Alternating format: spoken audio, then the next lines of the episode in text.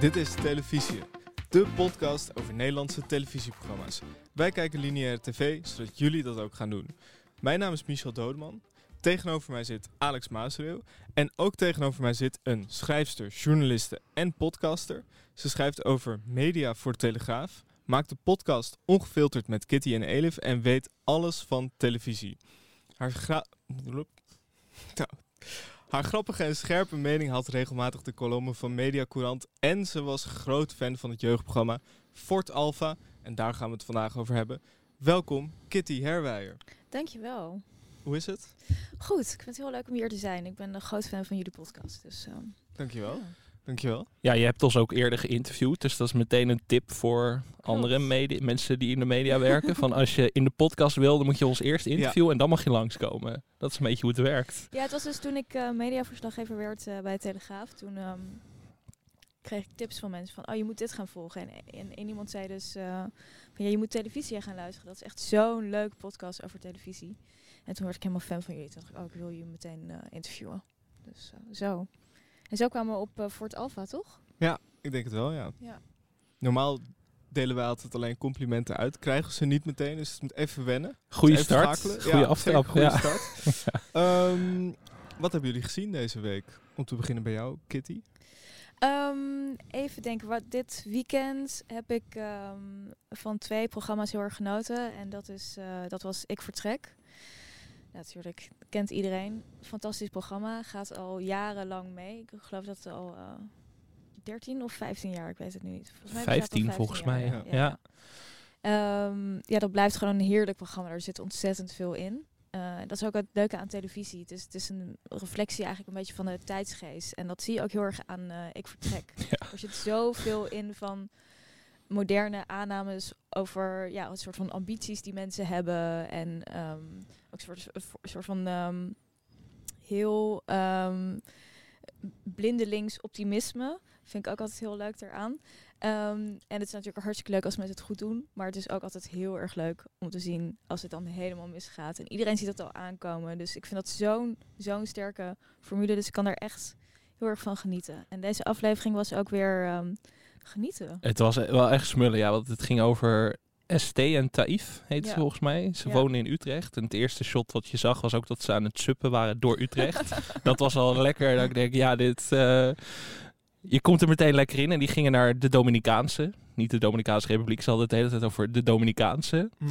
Ja, ja, ik was me de eerst heel erg aan het ergeren, maar ik vond ze ook heel snel wel weer Sympathiek, daardoor ja. sympathiek worden. Ja. Want het ging ook, op een gegeven moment zei zij, ik voel een blokkade in mijn solar plexus, zei ze. Oké. Kort fragmentje ertussendoor. Ehm, ik wilde even een update geven. Jullie zien me altijd heel erg lachen op de camera. Maar vanochtend eh, heb ik even een traantje gelaten. En ik merkte ook dat ik afgelopen week een beetje geblokkeerd, mezelf heb geblokkeerd. Ja, ik word er nu weer een beetje emotioneel, emotioneel van.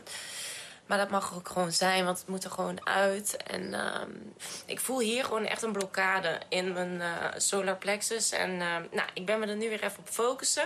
Ik pak mijn self-power weer back door te communiceren, te vertellen hoe ik me voel. Ehm, open te zijn, want als je dat doet, dan eh, krijg je dat ook terug. En dat, ja, ja dat, normaal vind ik dat heel vervelend. Maar nu, ik kon het wel goed hebben bij deze mensen of zo. Ja, ze waren toch wel sympathiek. Ja, Ja, dat ging ook niet lekker. En ook gewoon, je zag een hele familie. En dat, dat is natuurlijk altijd een cliché en ik vertrek. Maar ik vond het hier, vond ook lieve ouders. Dat helpt, helpt ook wel mee, denk ik. ja die hielpen ook, die kwamen helemaal langs om daar te helpen. Die maandenlang daar zitten met hun om eh, dat eh, hotel daar. eh, Ja, en soms dan gaan ze ook echt naar Frankrijk ergens een krot kopen er waar verder niet, niks is. Maar ik dacht bij dit ook wel, dit zou ik ook wel kunnen kopen als ik meedoe en ik vertrek, denk ik. Ja?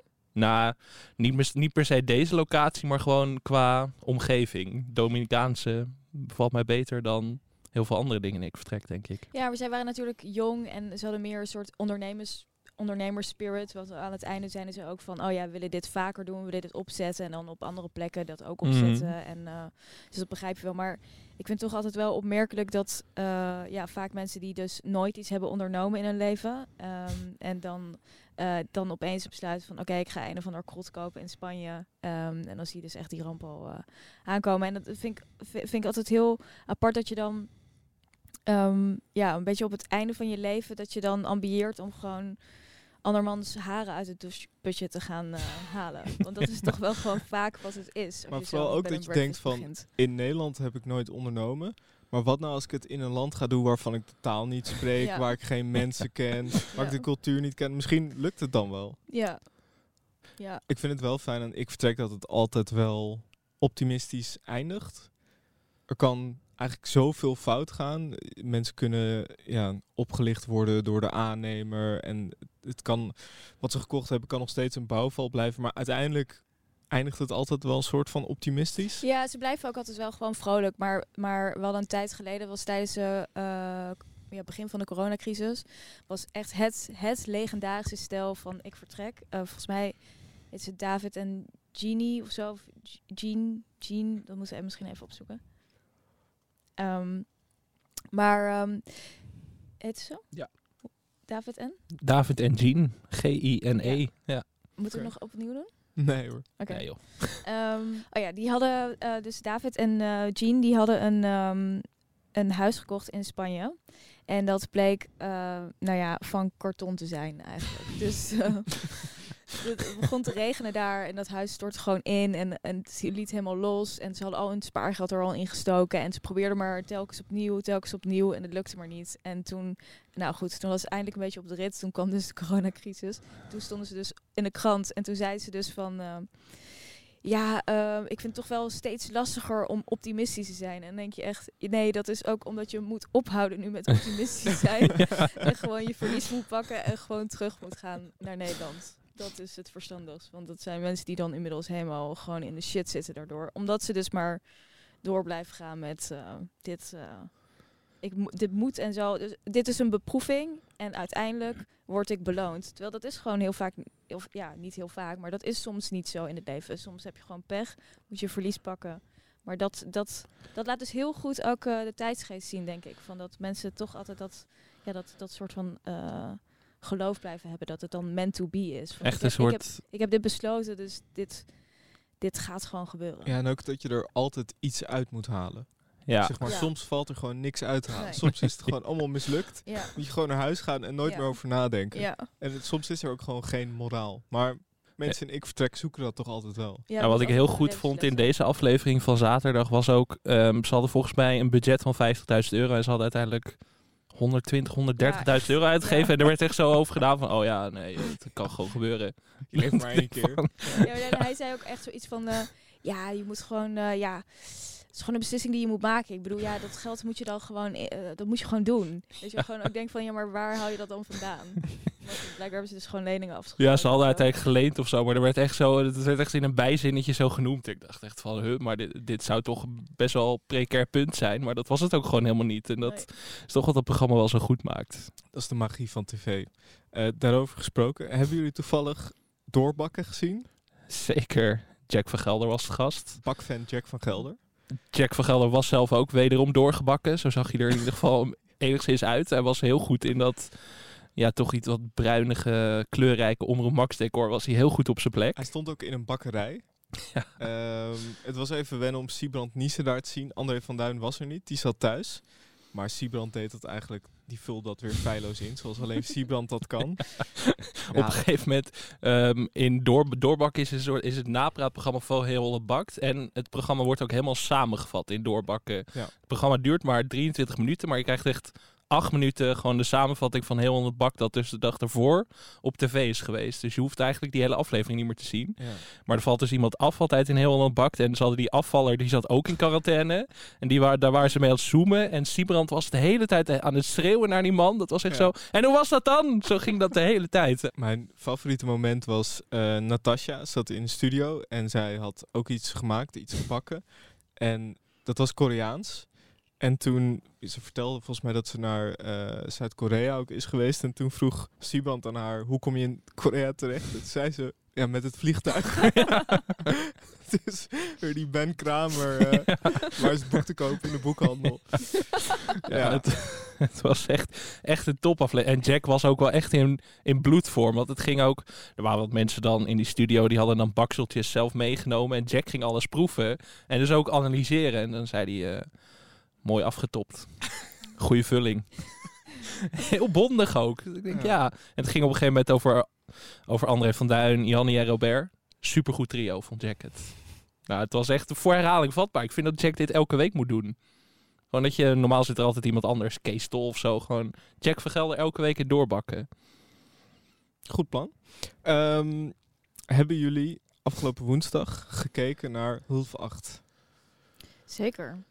Wat vond je ervan? Ehm, Vooral van de cold open natuurlijk. Ja, ik denk niet eh, dat Johnny de Mol eh, een andere keus had dan dit te doen.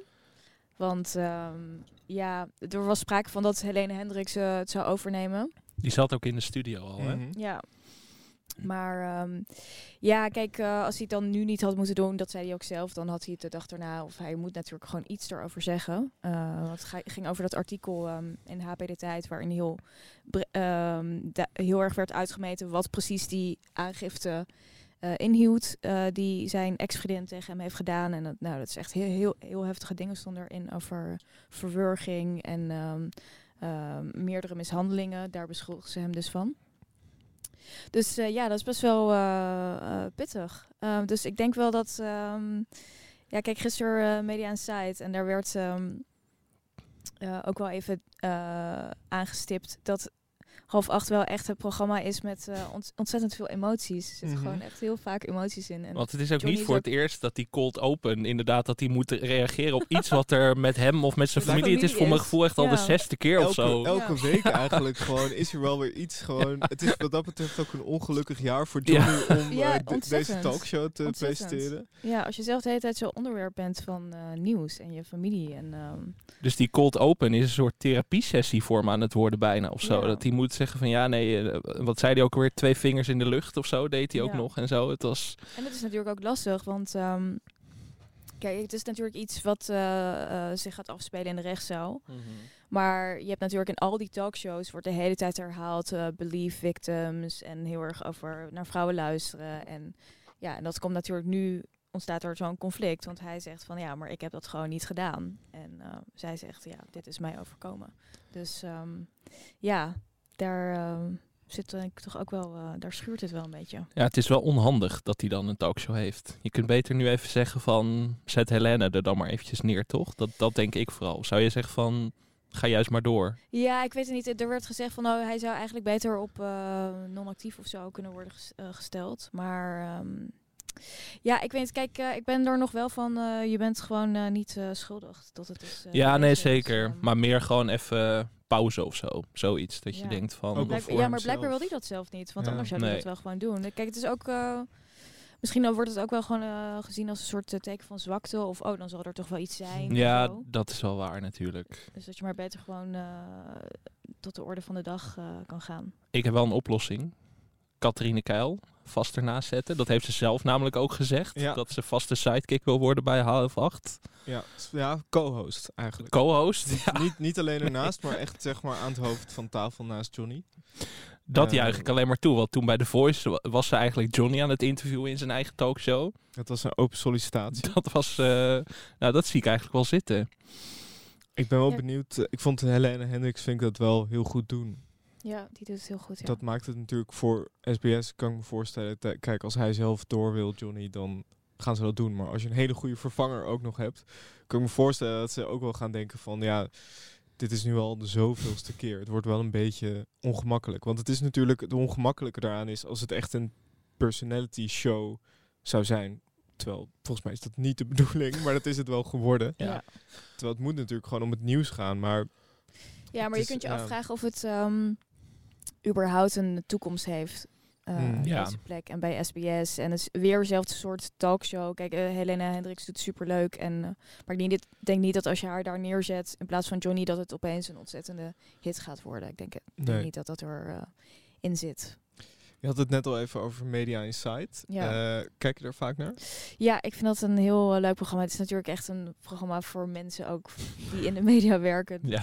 Meest Dus- Hilversumse programma. Ja, Dus. ik denk het wel. Dus, ehm, maar het is heerlijk ook altijd. Daarom, ik, ik vind eh Arjen Lubach, ik vind die sh- show niet, niet heel leuk of niet heel grappig. Maar dat heeft een beetje hetzelfde ding qua... Je krijgt snel een soort compilatie. Dus ze doen eh, ja, eigenlijk eh, het werk waar ik niet altijd elke dag tijd voor heb. Namelijk gewoon alles kijken en de leuke fragmenten of zo Mhm. zien. Ehm, dus dat is heel leuk. En ik, die, die analyses van, ehm eh, van Media Insight, die zijn heel cynisch. Ja, Marcel van Roosmalen heeft natuurlijk een heel groot eh, talent. Ehm, zonder dat ze vervelend zijn of eh, zuur of zo. Het is gewoon echt geestig. Het is echt leuk om naar te kijken. Ik moet echt hardop lachen. En ja, ik zie wel eigenlijk toekomst voor eh, misschien wel Marcel en Gijs Groenteman om de vooravond te gaan vullen. Ja, zou je dat echt eh, voorzien, een talkshow? Ik denk dat, nou, ik weet niet een talkshow, ik, maar iets van een programma. Ja, het is wel, want Media Insight heeft helemaal niet. Ik heb vanochtend nog even gekeken en ehm kijkcijfers zijn dan eh 190.000. Ja, ik zag het, ja. dat is niet, eh, dat is niet, is heel niet top. Nee. Maar eh, misschien zou je wel kunnen nadenken over een soort vorm die zij eh, kunnen doen met z'n tweeën. Ze hebben nu met die nieuwe podcast van hun weer een dag.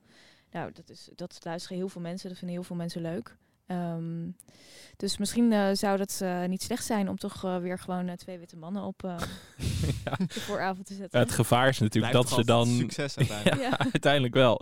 Maar het gevaar is natuurlijk dat ze dan weer in die mal worden gedrukt van, van inderdaad de vooravond. Galieten Sophie gewoon Ja. Vier onderwerpen, eh, zes, zeven gasten of zo. ja, maar daar moet je dus helemaal van af. Want Ja. dat werkt dus niet meer. Dat is echt, dat, dat, dat, daar moeten eigenlijk alle zenders moeten daarvan afstappen. Want dat is ontzettend saai om naar te kijken. Ik bedoel, ik, kijken jullie veel talkshows? Ik Nee. kijk ook bijna geen talkshows meer. In het begin van deze podcast deden wij dat wel. Mhm. Tenminste, ik keek toen, toen wilde ik gewoon alles gezien hebben. Maar het is nu gewoon, het is saai. Dat is Ja. een beetje het probleem. Ja. Er gebeurt nooit echt iets spraak. Maar ja, behalve bij half acht dan. Maar ja, Maar het is wel waarschijnlijk, NPO gaat waarschijnlijk eh Galit en Sophie wel nog een extra seizoen geven. Liet Frans Klein doorschijnen. oké. Wat wel onverwacht was, maar m- misschien ook wel een beetje, eh, ja, omdat ze nog niet weten wat ze anders moeten doen.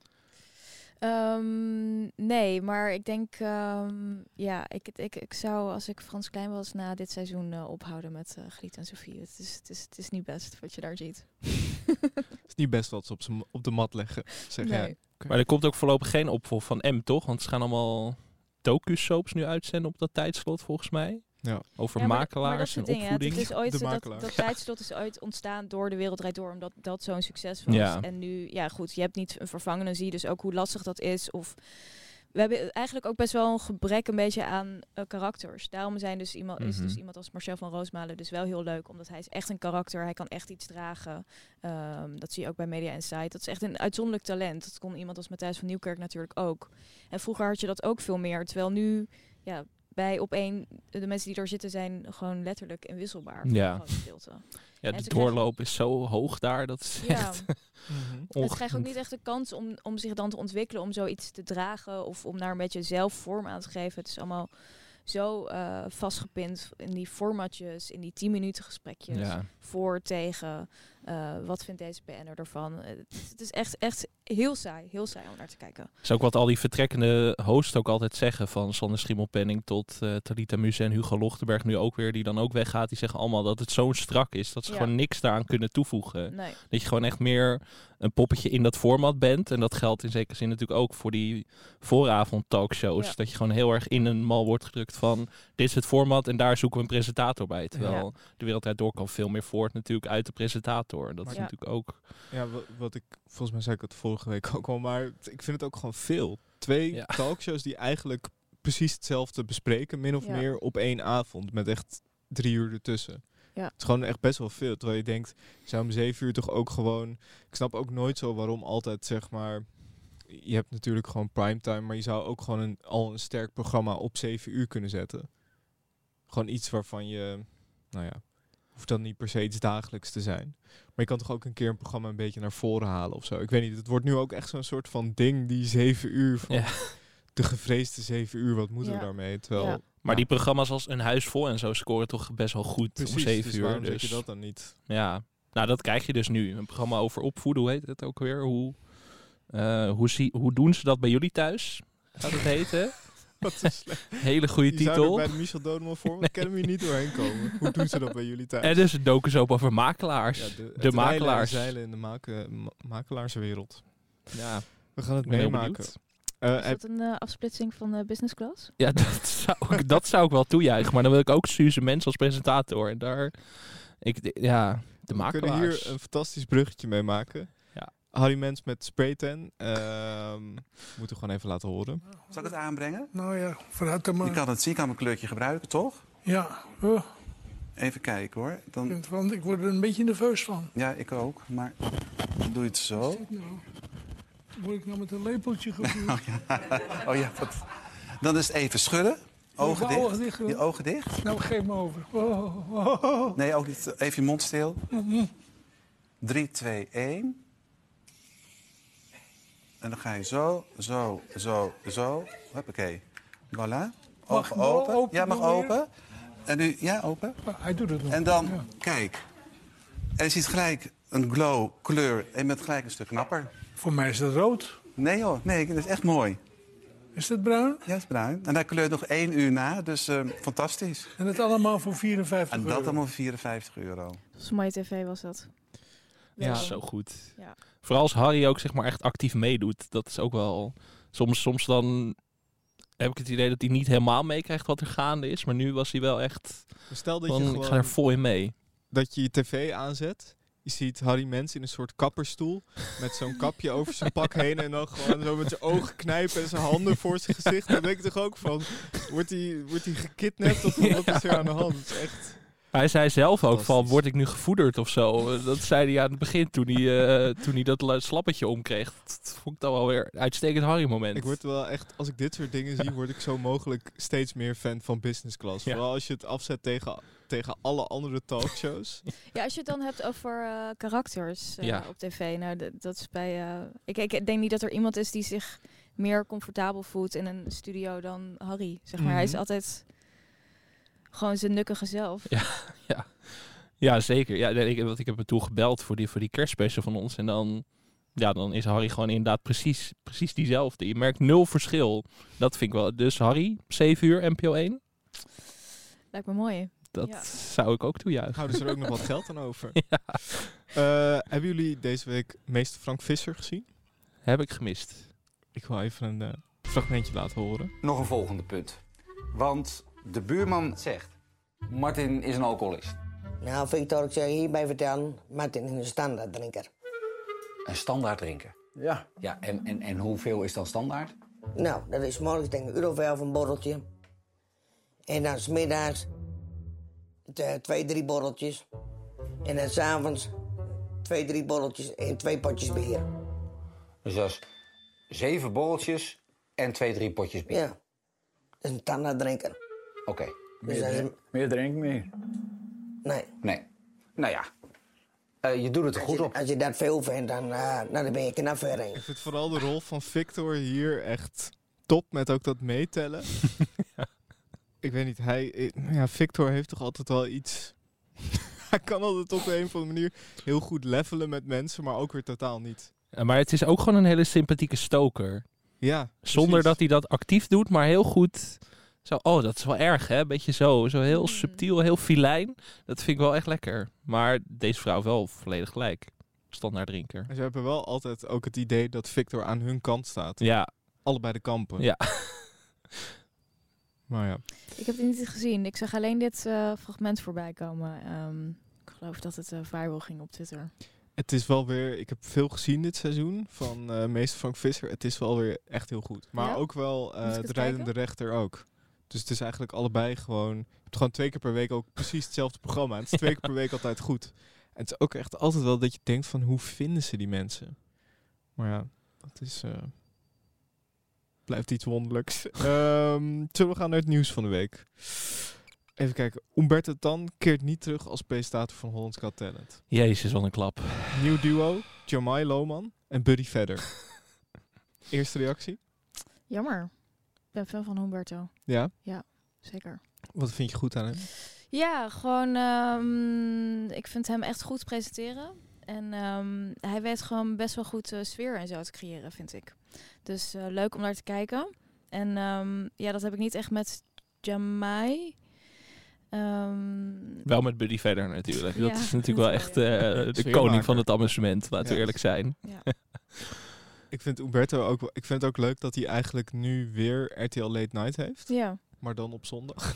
dus eigenlijk ze dachten, geef het een andere naam. doen er een paar jaar tussen en niemand heeft het door. Het is gewoon precies hetzelfde. Ja, maar, Maar je hij- ziet toch ook dat er niet echt eh, wordt gekoesterd wat je dan eh, hebt. Nee. Dus zeg maar dat, dat Humberto van tv af moest. Of eh, van, eh, dat RTL Late Night, dat, eh, dat, dat Twan-huis dat toen moest gaan doen. dat het echt een hele Ja. grote fout is geweest. En, ehm, Soms vergeet ik dat helemaal, dat Van Huis ooit een late night talkshow heeft Oeh. gehad. Dat is echt zo'n wonderlijke episode in de tv-geschiedenis. ja. Maar Ja. Kitty, je hebt vorige week een eh, artikel geschreven over creatieve armoede op tv. Is Ja. dit ook een beetje eigenlijk een voorbeeld? Gewoon eigenlijk weer oude, oude dingen precies van stal halen? Nou ja, het is prima om eh, als, als bijvoorbeeld inderdaad programma's eh, Ik Vertrek. Ik bedoel, dat blijft gewoon leuk, dat blijft gewoon goed. Dus dat moet je gewoon blijven doen. En dingen als quizzes en zo en bepaald soort dingen, eh, bepaald soort formats, die werken denk ik altijd. En dat blijven mensen altijd leuk vinden. Ehm, maar ik denk dus dat je heel erg ook moet koesteren als zender als je dan iets hebt wat gewoon werkt. Dus dat zie je ook inderdaad bij, nou ja, met Umberto Tan. Ja, er was dan blijkbaar kritiek op bij RTL, maar het was eigenlijk gewoon een prima programma. En dan kun je heel veel andere dingen inderdaad proberen, maar kom je toch weer op hetzelfde uit.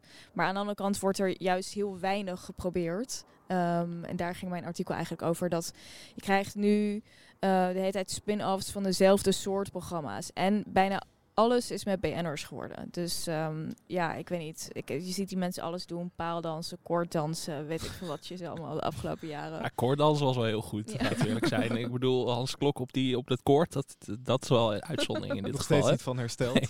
Nee, maar het is wel waar. Want voor, ik zat dit weekend ook naar Make Up Your Mind te kijken. En dat is dan gewoon de Mask Singer, maar dan met een net iets andere invulling. Ja. En dat, Dus dat zie je elke ja, week. dus nu krijg je dat. Dus eh Masked Singer is dan, is dan echt een hit.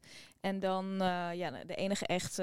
en ehm, ook de hele tijd die raadspelletjes. Dus eh, er was nu een aankondiging. ehm, dat was eigenlijk wat mij triggerde. En dat was dan ehm, Think Inside the Box. Ja. Dat is dan met Richard Groenendijk eh, op SBS. Dat komt vanaf mij op tv. En dat gaat er dan... dan moeten BN'ers dus raden wat er in een eh LED-box zit. Dat je echt denkt, oké... Ja, kijk, je, je- ik heb het nog niet gezien, dus misschien is het echt een fantastisch programma. Maar het klinkt gewoon, gewoon heel suf. Ja, Ehm, en ook wel bij dat programma The Connection, wat je ook noemt eh in Ja. het programma. Nieuw programma Ja. van Matthijs van Nieuwkerk. ja, dus Matthijs van Nieuwkerk, ehm, nou ja, goed, eh, op zich alles wat hij maakt is volgens mij een hit. Maar ja, die gaat dan een spelshow doen met BN'ers. Dus je denkt van, oh ja, ja, origineel idee. Ehm, Ja, dat, dat viel me ook een beetje tegen. Dat ik denk van, Ja. oh, Matthijs komt met een nieuw programma. En toen las ik het voor me. Toen dacht ik, nou, dat zou zo ook maar op de zondagavond om 12 uur op SBS te zien kunnen zijn. Weet Ja. je wel, dan zou je het verschil ook niet merken. Ja. Buddy verder had het ook kunnen doen. nee, Ja. zeker. Maar wie weet, wie weet wordt het heel leuk. Er werken wel eh, leuke mensen aan eh, mee, hoorde ik. Dus wie weet dat ze het heel erg creatief en zo eh, maken. Maar door, ik denk wel dat er sprake is. Kijk, het is ook lastig. Hè? Op een gegeven moment is alles ook een beetje uitgevonden. En ehm, ja, je gaat dus ehm, de mensen met wie ik erover sprak, waaronder een formatontwikkelaar, die vertelde ook ja, die zenderbazen die moeten de hele tijd eh, ja, gewoon heel snel presteren. En, en dingen worden heel snel van de buis gehaald tegenwoordig. Dus je krijgt niet eh één of twee seizoenen de kans om te groeien. Dat krijgen bij de NPO nog wel een beetje. Dus zoiets als Galiet en Sofie, dat gaat dan gewoon twee seizoenen door. Ehm, maar ehm, over het algemeen, eh, ja, moet gewoon binnen een paar afleveringen moet het er gewoon staan. En als dat dan niet gebeurt, ja, dan word jij erop afgerekend. Dus daarom dat er dat je toch altijd terugvalt op eh, ja, wat makkelijkere formats met BN'ers, waarvan je zeker weet, oh, dat dan kijken er in ieder geval een aantal mensen die dan fan zijn van die BN'er. Waardoor krijg je dus heel veel reproductie. Eh, en er is- er dus eigenlijk ja, weinig ruimte nog voor wat spannendere dingen proberen. Of ehm, Ja, wat ook wel in jouw stuk zat, was gewoon een hele deflatie van BN'ers, toch? Een paar topquotes van Henny Huisman. ja, Henny om, Huisman, eh, eh, die ik even shout-out Ja, die, die had het over C-garnituur. Hij zei, als bij een BN'er in een ondertitel gezet moet worden waar hij bekend van is, dan verliest het begrip zijn waarde. Ja. ja, want hij heeft natuurlijk, kijk... eh, Best een goed punt eigenlijk. Ja, Ja. Maar goed, het is ook wel lastig, want je hebt nu natuurlijk veel meer bubbels. Dus ja, ik kan me voorstellen dat, dat eh, Henny Huisman niet weet wie Monica Geuze is. Maar dat is toch wel echt een BN'er. Ja, nee. versa misschien ook wel niet. Hè? Ja. nee. Niet, is Monica niet nog opgegroeid met eh, Henny Huisman? Of is ze daar net te jong voor? Misschien net wel nog. Zijn ja. jullie opgegroeid? Want jullie zijn ook jonger dan ik. Nee, ik ken Henny Huisman eigenlijk wel alleen van zoals hij nu is. Oh, Oké, nee ja. Ik, ja, zijn hoogtedagen lagen al achter hem toen wij geboren waren, denk ik. Nou, nog niet toen, maar wij zijn opgegroeid met, waren. met minder populaire Henny Huisman. Ja. ja. Maar is dat dan ook een beetje de, de oplossing voor die creatieve armoede? Eh, programma's meer de tijd geven en makers meer tijd geven? Ja, ik, ik denk eigenlijk wel dat het onvermijdelijk is ehm, ehm, dat het zo gaat, omdat die concurrentie gewoon enorm is. En, en dan heb je ook nog eens een keer die concurrentie met die streamingsdiensten en zo. Maar ik denk wel dat het goed zou zijn om gewoon dingen de kans te geven. En zeker ook bij de NPO. Want je ziet toch wel dat er eh, daar ook af en toe gewoon te makkelijk, vind ik, wordt gekozen voor weer programma's met eh BN'ers of weer zo'n spelshow met BN'ers. Dat je denkt van ja, dit is gewoon eh, publiek geld. Dus ik vind het dan wel ook Tuurlijk hè, moet je rekening houden met de kijkcijfers, maar je hebt ook echt heel erg een taak. En eh, die taak is niet alleen maar eh, ehm, ehm, een of andere BN'er eh, door Afrika laten reizen. Of, eh? Ja, ze gaan allemaal naar ook- Amerika nu natuurlijk om muzikanten achterna te reizen. Dat is nu een beetje de nieuwe trend. Ja. Frank Ja. Lammers en Guus Meeuwers. eh Bruce Hazes- Springsteen. Ja, André Hazes junior zit ook in Amerika voor... wo- Wordt volgens mij ook gefilmd voor een real-life soap-achtig Ja, ja, ja, ja, ja, ja, ja. documentaire. eh, Maar, niet voor de NPO, toch? Ja, dat denk ik ook niet hoor. Nee, dat, ja, Dat, vermoed van niet, maar eh, Gepresenteerd door. Eus of zo. Dat zou ik wel wel weer leuk vinden. Maar Ja. Oké, ehm, zullen we gaan naar de nieuwe programma's van deze week? Of heb jij nog nieuws dat je wil bespreken, Alex? Ehm, We hebben wel nog de ruzie tussen de familie Meiland en Peter Gillis. Oh, die heb ik gemist. nog, eh, nee. Wat, eh, eh, an- Oh, dat is wel lastig segment. een kant kiezen ook dan. Ja, ehm, oké, het zit volgens mij, ik zal even de tijdlijn schetsen. De Meilandjes hebben ooit gezegd volgens mij dat ze niet kijken naar Massa's Kassa. Nu later heeft Peter Gillis een soort van sneer uitgedeeld naar de Meilandjes. Eh, door te zeggen dat ze zich schuldig maken aan toneelspel in Chateau Bijstand. En de Meilandjes zeggen daar weer eh, over... Even kijken, Peter bedoelt met toneelspelen denk ik dat Chateau Bijstand gescript is.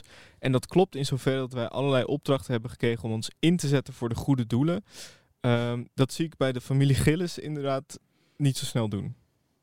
Auw. Ja, pijnlijk. Pijnlijk. Pijnlijk. Ja, ik, ik, ik- ja, ik Je ben toch Zwitserland in deze, denk nee, ik. je moet een kant Ja, kiezen. Twee programma's waar jij niet van houdt. Ik ook niet. Houden jullie niet van de Meilandjes? Nee, niet echt. Jawel?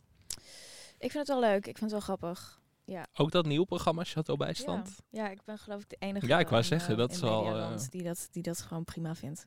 Ja, nee, het is niet, ja, niet eens zozeer het format. Want wij hebben het eerder ook wel eens over dat de, toen de Vrogers het nog deden. En toen vonden wij het wel leuk. Dus het zou hypocriet zijn als we het programma zelf zouden afkraken nu. Maar het is gewoon de, de Meilandjes. Dat, dat hele fenomeen, dat is er bij mij nooit echt ingegaan. Wat vind je van eh, Massa's Kassa? Heb ik niet ehm, gezien. Houden zo. Is dat erg? ja? Ik zie, Nee, ja, eh, dat is niet echt ons ding. Wat gebeurt er in Massa's kassa? Ja, niks eigenlijk. Wij hebben ooit naar een aflevering gekeken en toen, eh, ehm, toen ging de vrouw van Peter Gillis ging een eend begraven. En dat was eigenlijk het, Dat was de spanningsboog van de aflevering. Ja, en er was een bijeenkomst voor fans, maar die zagen we nog niet. We zagen alleen de voorbereidingen. ja, dat. Eigenlijk. Maar Jullie waren wel fan van de Bouwers, toch? Ja. Maar daar gebeurde toch ook niks? Nee, dus ik denk dat het ook wel echt puur met... de ik kijk ook wel graag naar de verhulsjes. Daar gebeurt ook helemaal niks. Ja. Maar die vind ik allemaal heel leuk. Ja, Maar bij dat de familie Gillis ja. heb ik dat eigenlijk niet echt. Ja. Ik Soms kan niet valt het ook kiezen in niet- Soms deze. valt het ook niet uit te leggen. Nee. Eh, laten we gaan naar nieuwe programma's. eh, die zijn aangekondigd. Bo van Ervendorens gaat een spelshow maken. Race om de ringen.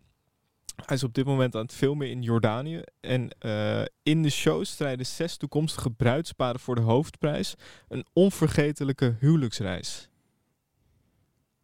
Ik zat te denken, waar moet dat helemaal in Jordanië? Maar Maar wat is een soort eh, wie is de mol en dan kan je een huwelijksreis of zo ik denk winnen. het ja. Heel apart format. Ik wil gewoon Ja. de honeymoon quiz eh, terug. Ja, met Ron. Ja. Ja, dan wel met Ron ook, toch? Gewoon. Ja, ik denk dat Bo dat ook wel Ja, dat, ja. En dan gewoon die pandsoep en zo, dat is echt spektakel. Mhm. Ja. Vind ik ook sowieso wel bij, eh, vroeger bij eh, Mooi Weer de Leeuw, viel er ook altijd mensen in vlaabakken Ja. en zo. Dat Ja. moet denk ik weer Dat een moet beetje meer terug op terugkomen. tv, ja. Chocolade was ook een succes geworden als er gewoon, zeg maar, als er meer, meer, eh, ja, meer in chocoladebaden gedoken werd of zo. Dat Ja. Irene Moors dan, als het fout had, in een chocoladebad werd geduwd. Dan was dat programma wel een succes Maar geworden. Chantal eh, en eh, Chantal's pyjama party, die eh, doet dat wel een beetje. Ja, Ja.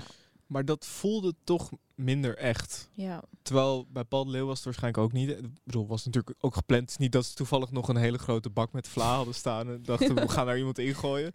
Maar ik, ik, ik weet niet. Ik vind het ook wel. eh, dat vond ik altijd wel knap aan, aan programma's zoals Mooi Weer Leeuw. Dat het allemaal best wel organisch voelde. Alsof het Mhm. allemaal opeens gebeurde en alsof het geïmproviseerd was. Dat is denk ik ook wel gewoon de kracht van Paul de Leeuw. Dat het zo chaotisch was dat je eigenlijk niet echt door had wat er allemaal ging gebeuren.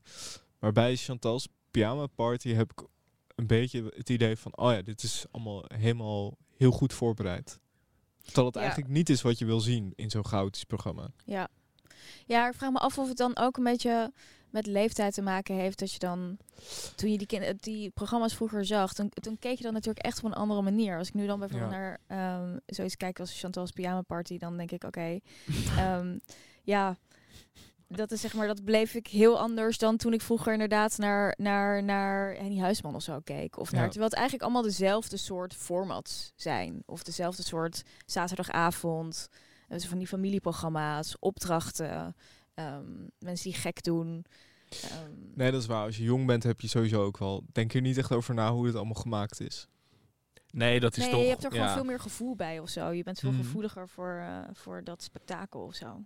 Dat is toch ook wel wat we vaak in de podcast doen. Zeker als we programma's terugkijken uit de jaren 0 tot en met 10 of zo. Waar we dan echt mee opgroeiden. Dan denk je ook heel vaak van... Oh, dit is toch wat minder magisch dan het in mijn geheugen was of zo. Ja. Behalve ja. de landscène in de lucht. Dat is Zeker. nog steeds heel magisch. Dus misschien moeten wij gewoon ooit een eh elfjarige uitnodigen om over Chantal's Pyjama Party te praten. Ja. Dat zou een Ja. leuk experiment kunnen zijn. Het zou een leuke rubriek zijn. Een soort van de kindermening. Leuk kinderen in de Ja, podcast. ja. Echt een goed idee. Ehm, verder was het een beetje een kadige week qua aangekondigde programma's. ook Eh, programma Sleepers. Een eh, nieuwe serie op Videoland met, eh, even kijken, Robert de Hoog, Teun Kuilboer, Hans Kesting en Rivka Lodijsen. Zo. Goeie cast. Ja. geregisseerd onder meer door Max Porcelein Ja. van Trex en Plan C. Ja.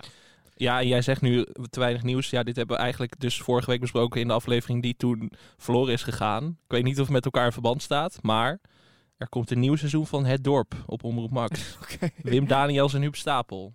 Daar worden wij blij van, Ja? toch? Ja, zeker. Ja, ik, ik, eh, ik wel. Het Dorp 2. Het Dorp Ehm, 2. Ja. En ehm, ja, dat kreeg ik doorgestuurd op Instagram. Of dat kregen wij Ik heb het gevoel dat ik heel veel tv kijk, maar als ik jullie hoor, dan heb ik echt het gevoel van, oh, ik kijk toch te weinig tv, zelfs als Mm, media. ja, Ja, dat is ook maar de vraag of We dat... hebben zeg natuurlijk maar, ook weer een legioen eh, tv-kijkers achter ons. Dus het lijkt, daardoor lijkt het heel veel. Dat is waar, maar dit ging dan over film. Kort uitstapje door InstaJo93 op Instagram. Oh, nee, ik weet al dit artiestennaam. Oh, nee. Ja, dit, dit was wel een beetje pijnlijk, maar ik vind toch dat we het even moeten benoemen. Ja. Er komt een nieuwe comedyfilm met Leo Alkemade in de hoofdrol. Dat is natuurlijk al eigenlijk een pre, zou je denken. Mhm. Maar ik las de, de synopsis van de film en ik dacht wel van... die- Hier is lang over nagedacht. Eh, ik lees het even voor. Leo Alkemade is te zien in de nieuwe comedy De Tata's. Die naam, ja, daar gaat al iets mis. De film vertelt het verhaal van de familie van Kampen, een rijk gezin uit het Gooi. Alkemade neemt de rol van Erik van Kampen op zich, vader van het gezin en een echte carrièreman die alles op orde lijkt te hebben. Vanwege één risicovolle investering raakt het gezin al hun fortuin kwijt. Noodgedwongen gaan ze in de Bijlmer wonen, waar het gezin zwaar op de proef wordt gesteld. Hebben ze de huizenprijzen? Ja, ik wou net zeggen, gecheckt? zij is wel eens in de eh, Bijlmer geweest. Dat is... ik, ik- misschien dat dit al... Tegenwoordig ook huizen gewoon een half miljoen. Ja. kosten. Misschien ligt dit al 15 jaar op de plank of zo. dat ze dachten van dat ze die huisprijzen gewoon hebben meegenomen. Ze hebben gewacht totdat Leo gerijpt was. Ja. En totdat hij goed genoeg was om dit... eh, Ja, misschien moeten ze even wachten op dat programma De Makelaars. Want ik dacht wel van eh, die huizenprijzen ja, in de Bijlmer. Ik weet het niet. Maar ik, ja, ik oh, maar vond dat we dit toch even moesten aanstippen als Ja, er was heel veel kritiek op, zag ik. Ik zag het eh, allemaal boos mensen op Instagram en op Twitter hierover. Toen dacht ik, ja, het is toch ook lastig. Wat kan je nou zeggen van eh, die twee alinea's? Het klinkt een beetje Ja. als een suf, heel cliché. ehm, wat is het, jaren negentig. eh, ja. Precies, toen had er echt geen haan naar gekraaid waarschijnlijk als dit was aangekondigd. Maar het is meer... Ja, dat, dat maakte me nog niet eens veel uit. Maar ik vond het gewoon heel grappig dat ze dan in Bijlmer gaan wonen. Alsof dat een soort goedkope achterafplek was of zo. Dat, dat was gewoon heel leuk. Of tenminste, nou leuk. Interessant, laat ik het zo zeggen. ja, het is eh, boeiend. Maar goed, Leo kennende. Die zal er wel weer wat hilarisch van maken. Dat sowieso. Eh, zullen we gaan naar het format? Je vergeet wel een heel belangrijk nieuw programma. Komt de spin-off van The Passion. Op Oh. Hemelvaartsdag. Een vervolg. Nog meer The Vervolg? Passion. Ik, eh, het vervolg. Is hij nog een keer teruggekomen? Ja, ja, nee, ja het, eh, nou, dat draait, het vervolg draait vooral voor het eerste jaar. Het vervolg draait dan vooral om Maria Magdalena. De eerste die Jezus zag na zijn opstanding. En Maria Magdalena wordt gespeeld door Kim Lian van der Meij. En die heeft dus eh, een grotere rol in dat vervolg op de Passion. Dus twee keer de Passion dit jaar. Leuk. Maar vervolg, zeg maar het verhaal daarna. Ja, Oké. dus een sequel eigenlijk. Ja, nou ja, op zich van de Bijbel kan je best wel. eh, Je, je zou er een hele franchise voor kunnen maken als je zou willen, ja. ja. best wel wat uitputten. En de Passion is natuurlijk donderdag. En ik zag al, Jezus wordt gespeeld door Soy Kroon. De jongste Jezus ooit. Hij heeft gezegd dat hij er een eh, rebelse Jezus Ja. van wil maken. Ja, Spannend.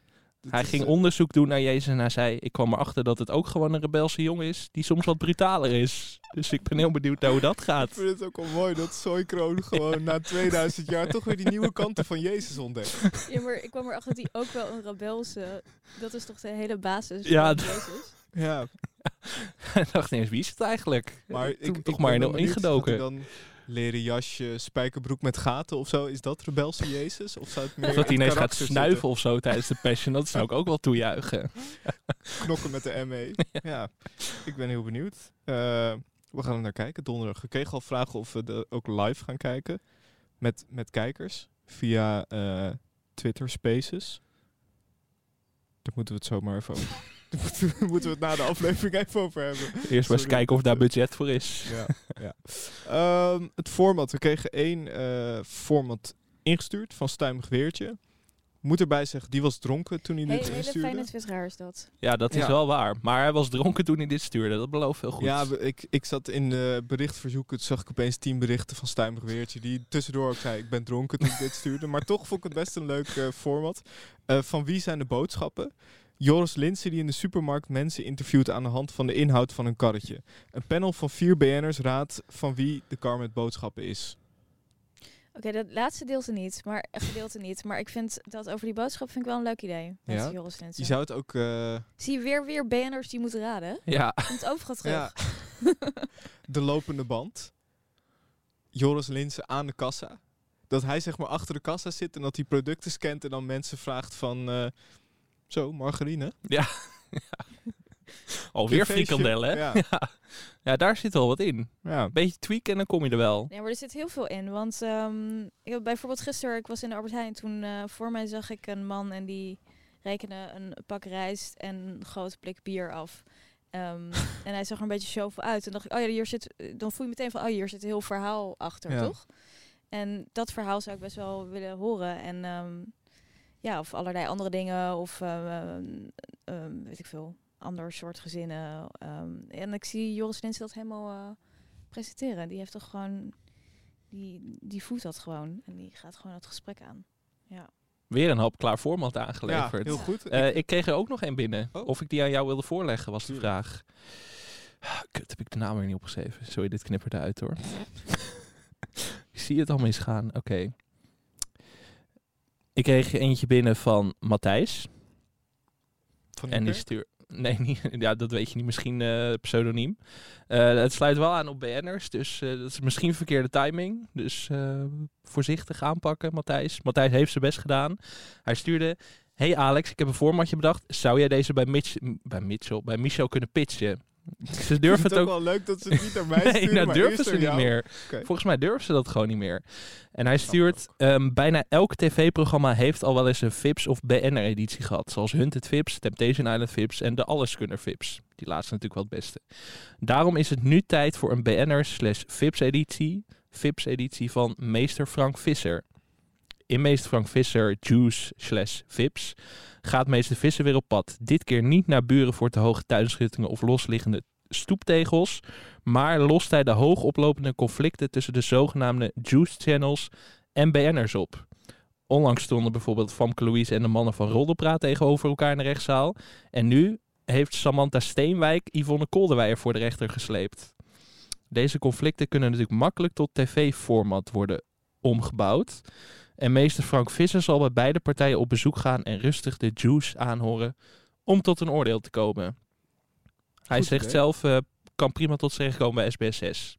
Weet ik niet. Ik zie dit. Ik vind het een heel leuk idee, maar ik denk niet dat het aansluit op eh, lineaire tv. Denk ik Nee, hè? eh, Videoland. Ja, dit is want, want mensen Maar- die tv kijken, die, die weten niet wat juice-kanalen zijn. Dat wel, maar Videoland, dan krijgt het wel meteen weer zo'n... Wordt het een beetje zo Boxing Stars-achtig. Weet je wel? moet je, ik zie het meer NPO 3 en dan ehm, op, eh, op YouTube of zo. Emma Wortelboer of zo. Ja, Emma Ja. Wortelboer. Ja. ja, je zou dan ook met de Meilandjes en de familie Gillis... Zou je mee kunnen openen. En Ja, het... eh, Ja, je had vroeger dus ook zo'n eh, programma. ehm, wie presenteerde dat nou ook weer? Weet ik niet meer. Het is ook voor mijn tijd hoor, maar het heette Het Zwarte Schaap. En het was dan iemand die in het verdomhoekje stond. eh, op dat moment in een debat. En die mocht dan zijn verhaal doen.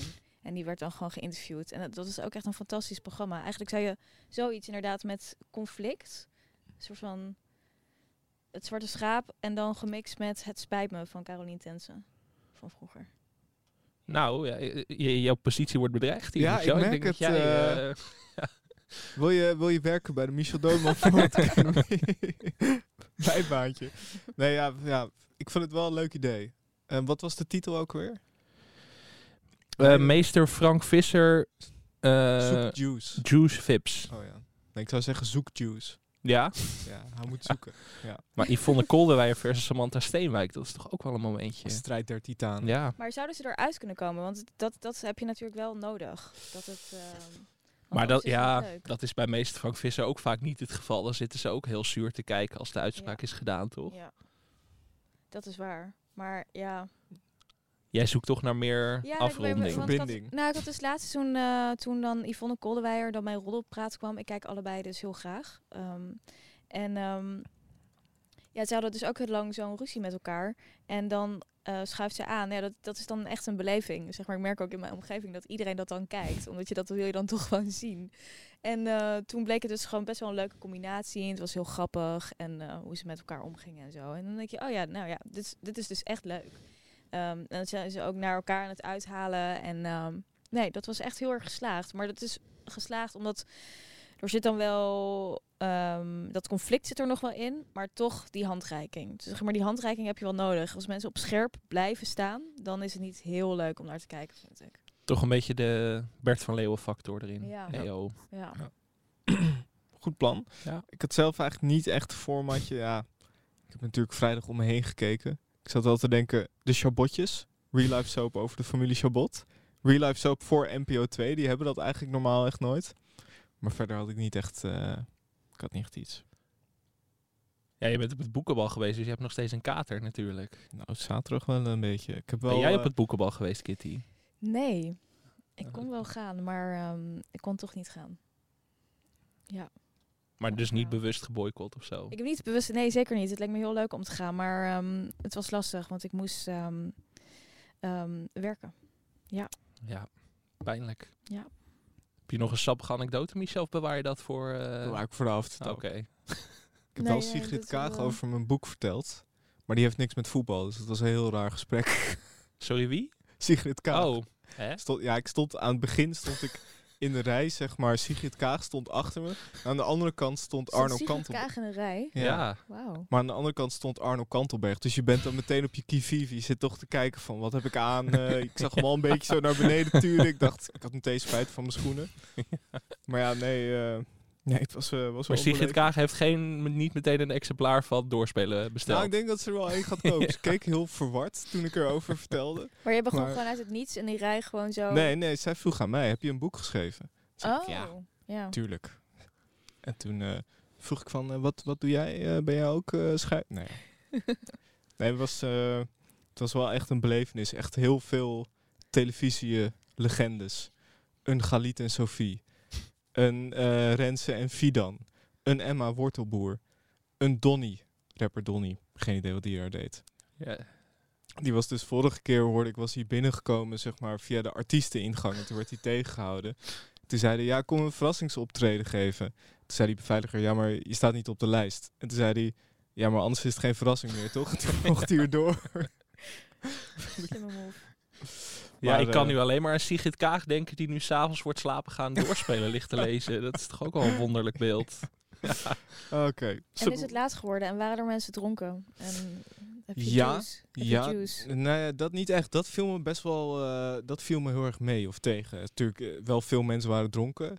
Ehm, maar het is niet, je, je verwacht altijd een soort van, dat het echt een hele wilde, wilde aangelegenheid is. Maar ja, je moet natuurlijk bedenken, de meeste mensen zijn gewoon boven de 50 die daar zijn. Ja. Dus heel wild is het ook weer niet. Maar het was wel, eh, ja, het was wel echt een belevenis. Ik zou, het, eh, ik zou het iedereen kunnen aanraden om, het een keer, eh, om er een keer heen te gaan. Al is het maar om het een keer meegemaakt te hebben. Maar verder, verder is het ook gewoon een... Je moet er altijd heel negatief over doen als je Ja, ik wou net zeggen, je bent echt de eh, meest positieve. Want ja. dat is het altijd. Dan denk je van, ik zat vrijdag ook te denken, ja, ik had hier toch wel graag bij willen zijn toen ik alle foto's zag. En dan de dag later zeggen mensen altijd, ja, maar het is echt niet zo leuk als dat mensen doen voorkomen. Ja, vooral dit jaar was hij, ja, zo kut. Ja. Escape. eh. Ja. Ja, er wordt Maar- altijd ja, heel laat dat ook zeg, over dan mag ik nooit meer komen. Dus eh, Ja. Ik ken mijn plek natuurlijk een beetje. Ik stond niet op de A-lijst. Ik stond waarschijnlijk wel een beetje, zeg maar, het rechte rijtje op de lijst. Ik kon net binnenkomen. En dan toch gewoon naast Anto Kant, Arno Kantelberg in de rij staan. Dat is dat toch wel wonderlijk. Ongelooflijk. Maar dat is de traditie dus. Dus je moet naar het boekenbal gaan en dan moet je daarna zeggen dat, het, dat je het verschrikkelijk Dat idee krijg ik altijd. Gaat, en dat je dan ga je dat jaar erop ga je toch weer. Ja, maar dat, ja, dat geloof ik dus ook niet. Ik zag de ene na de andere foto. Volgens mij was mijn hele Twitterbubbel namelijk op het boekenbal, behalve ik. Dat is toch jammer. Toch wel pijnlijk. Ja. Volgend jaar. Het grote televisie- en vakantieboek hebben we dan eh, geschreven. Doeboek. nu even. Ja. Ehm, zullen we het hebben over Fort Alpha? Ja. We want the best of both worlds. We want it slow and hard. We like to taste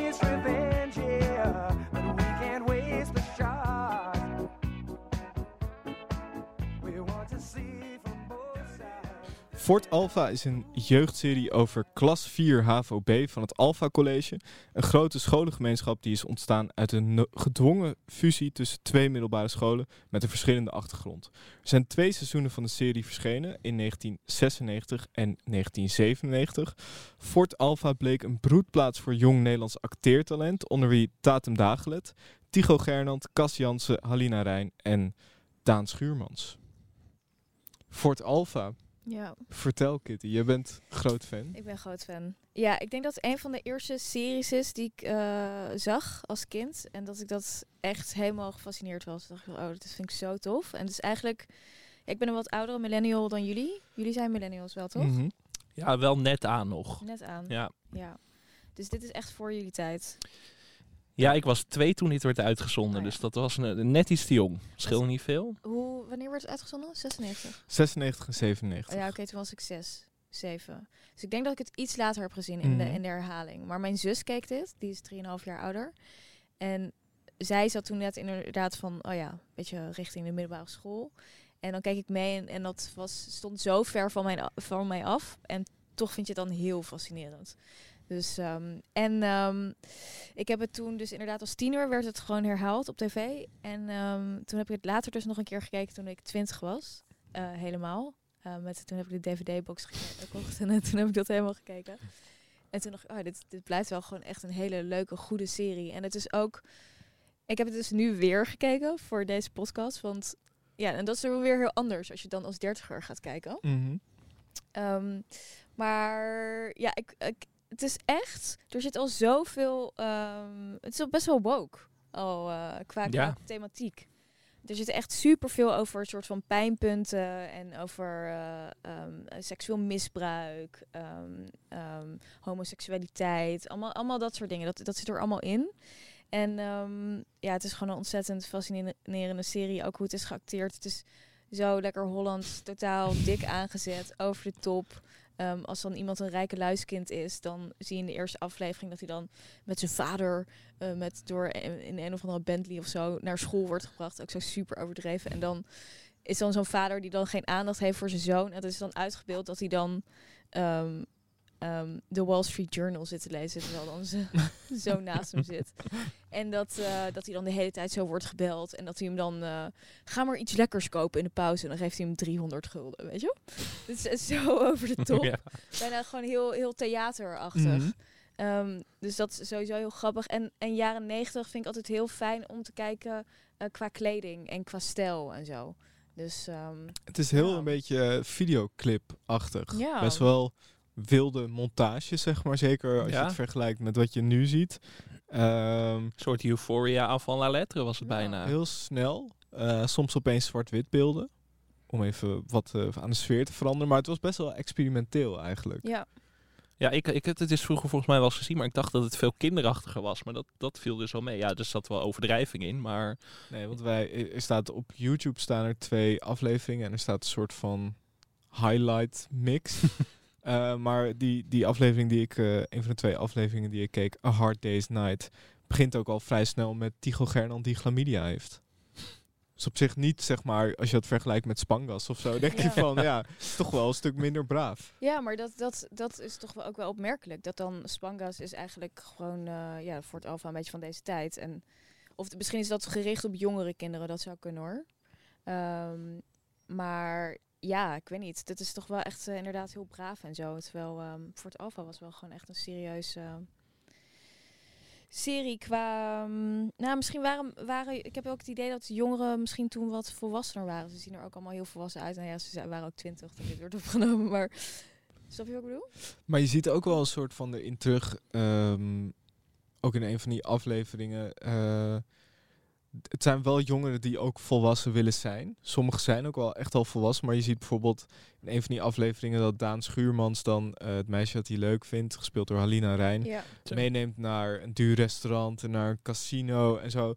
Je, me- je merkt ook wel heel erg door die serie heen een soort van verlangen om volwassen te zijn. Ja. Ja. Dat vond ik wel, wel goed eraan gedaan, want dat is natuurlijk 4 HAVO, ja, wat ben je dan? eh 16, 16, ja. 17.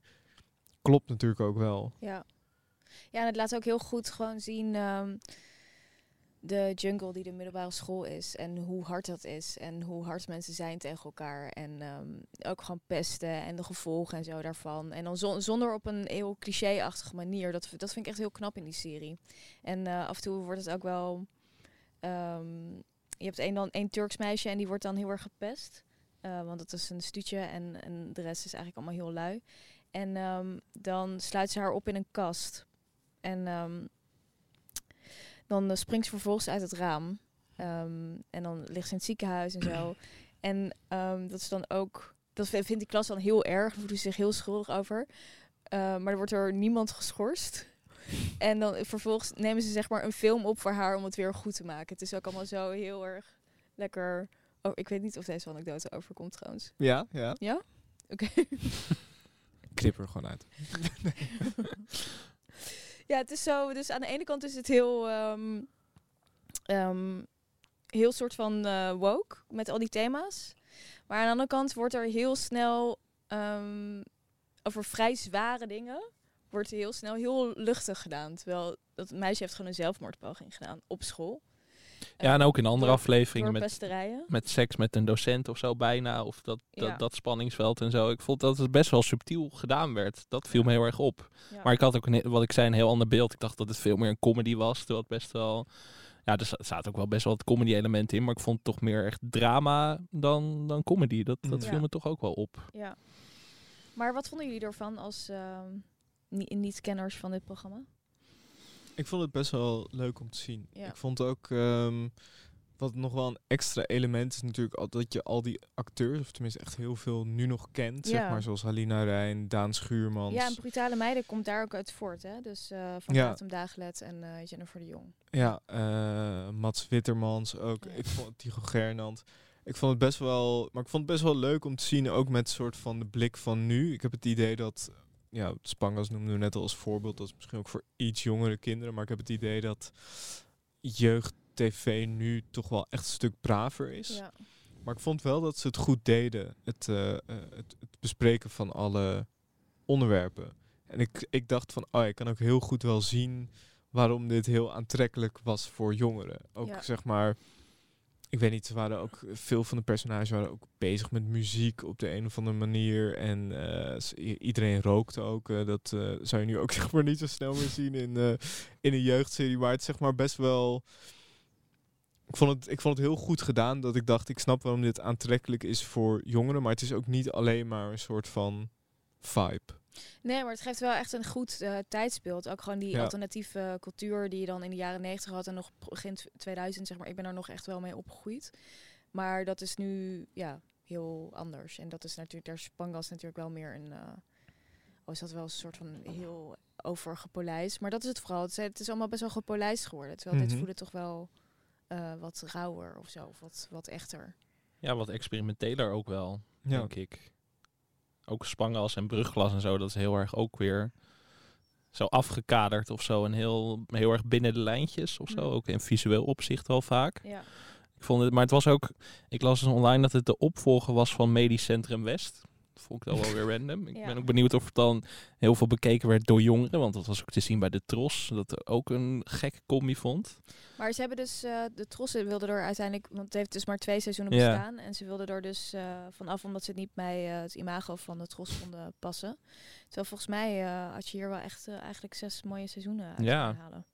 En wie was jouw, eh, wie, wie is jou het meest bijgebleven van de Ja, personages? ik was altijd eh, fan van ehm, Jennifer de Jong en Tatum Dagelet. Ja, dat eh, brutale meiden daarna, daar was ik dus ook echt een groot fan van. Dus ehm, ja, hun denk ik. Je had in de, in de serie heb je de Rijksscholengemeenschap, dat is wat meer elitair. En, de, eh, en het Spiegelcollege, dat wat meer alternatief is. Had je toen je keek ook dat je je heel erg identificeerde met een van de twee? Ehm, ja, toen was ik wel echt heel erg jong. Maar als ik dan... ehm, ik zat zelf op een Montessori school. Dus dat was echt wel een vrij alternatieve school. En ik was zelf ook redelijk alternatief qua ook muziek luisteren. En dat zie je nog heel erg ook dus in die jaren negentig ehm, sfeer daar. Dat, zeg maar, dat, dat, dat had je gewoon veel meer, denk ik, dan nu. Ik sprak laatst toevallig, kwam ik een eh, lerares tegen in de trein. ehm, van mijn middelbare school. En filosofie geeft ze. En eh, zij ehm, zei dat ook. Van, jullie waren eigenlijk een beetje de laatste generatie waarin je nog echt een soort alternatieve schoolcultuur had. En Mhm. dat, dat is gewoon allemaal veel, eh, veel minder geworden. Je hebt niet echt gothics meer bijvoorbeeld tegenwoordig. Nee, je hebt heel veel minder subculturen. Omdat, en, dat- en ik denk dus ook echt dat dat met eh, Instagram te maken heeft. Dat het allemaal een soort van homogeen iets wordt. Ook internationaal gezien dat het redelijk homogeen is. Alhoewel, zeg maar, die alternatieve cultuur was natuurlijk ook volledig ehm, gekopieerd vanuit Amerika. En een Mhm. soort van Nirvana-achtige look. En, Ja. eh, ja. Maar ja, ik denk wel dat, dat eh, op een bepaalde manier het gewoon wat eh, uniformer wordt. En misschien een beetje saaier. We hadden inderdaad gewoon echt veel eh gothics, emo's, punks. Maar ik vond het wel, dat vond ik ook wel leuk aan de serie. Dat je eigenlijk die twee groepen hebt die een soort van bij elkaar geperst werden, zeg Ja. maar. Omdat je daardoor wel heel duidelijk de verschillende, hele verschillende karakters had. En dat heb je dus ook vaak bij, ehm, bij jeugdseries eigenlijk niet. Omdat het dan vaak kies ervoor natuurlijk, je hebt gewoon één klas of één Ja. school. En dat is dan heel uniform, omdat Ja. ze een beetje van alles bij elkaar hebben gedaan. Maar hier had je duidelijk volgens mij wel echt twee groepen of zo. Dat vond ja, ik het er wel laat leuk ook heel aan. goed zien. ehm, en dat is natuurlijk een beetje op een kinderachtige manier, maar het laat wel heel goed zien hoe mensen ook denken op de middelbare school. Want ik kan me ook nog herinneren dat de school waar ik op zat, en dan had je verderop had je een andere school, en dat was dan de kakschool, en wij waren de alternatieve school. En dat was altijd, als je dan elkaar, wij konden ook niet eh, tegelijkertijd pauze hebben, want dan, dan kwamen daar misschien vechtpartijen of zo. Dat, dat, dat totale, dat stamidee, dat, dat zit er zo in op die middelbare school. Mhm. En ehm, het is allemaal een soort van kleine apelrotjes.